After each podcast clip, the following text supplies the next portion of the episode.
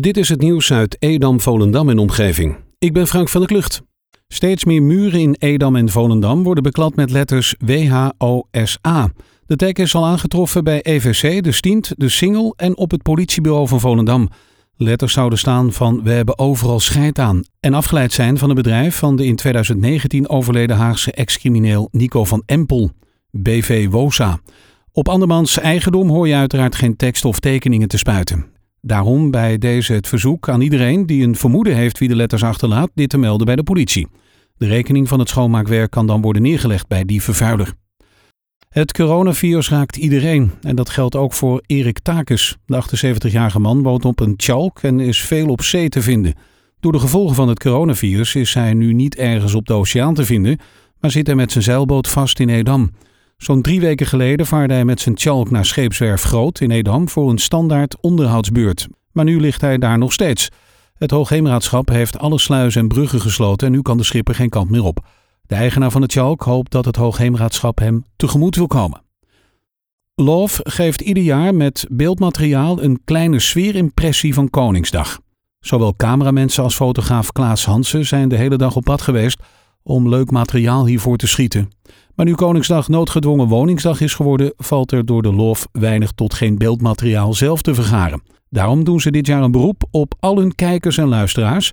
Heeft u een leuke foto of beeldmateriaal van Woningsdag 2020? Stuur deze dan naar redactie.rtvloof.nl. De politie had gisteren veel aandacht voor het water en het twisken in Landsmeer. Met inzet van de politieboot, bikers op de kant en een drone van de landelijke eenheid hebben ze toezicht gehouden op de coronamaatregelen en het naleven van de regels op het water. Uiteindelijk hebben zij een aantal bekeuringen voor snelheid moeten geven, maar de meesten hielden zich keurig aan alle gestelde regels. Gisteren zijn stratenmakers begonnen met het opnieuw bestraten van het Zuideinde in Volendam. Hierdoor is de haven via het Zuideinde tijdelijk niet te bereiken.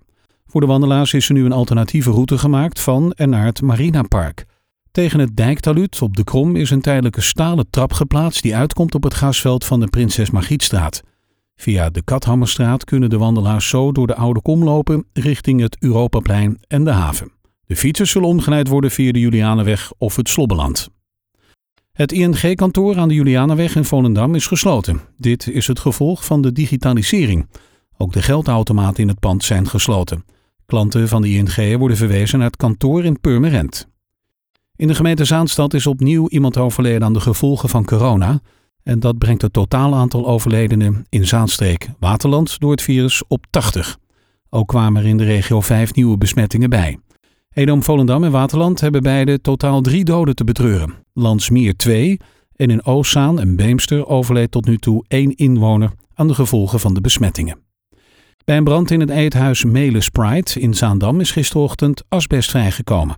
De zaak was gesloten op het moment dat de brand uitbrak. Vermoedelijk heeft de brand al even kunnen smeulen voordat de brandweer werd ingeschakeld. Die kwam met veel bluswagens en een hoogwerker te plaatsen. Ook de adviseur gevaarlijke stoffen van de brandweer kwam te plaatsen en heeft metingen verricht. Even half twaalf werd het zijn brandmeester gegeven. De asbestverspreiding is beperkt gebleven tot het afgezette gebied. Het gemeentebestuur is bereid om op de locatie Oosteinde 57 in Oosthuizen medewerking te verlenen aan het splitsen in vier appartementen, maar alleen als er aan alle randvoorwaarden zoals geluidsoverlast door bedrijfsactiviteiten en parkeernormen kan worden voldaan. Tot zover het nieuws uit Edam, Volendam en omgeving. Meer lokaal nieuws vindt u op de Love Kabelkrant, onze website of in de app.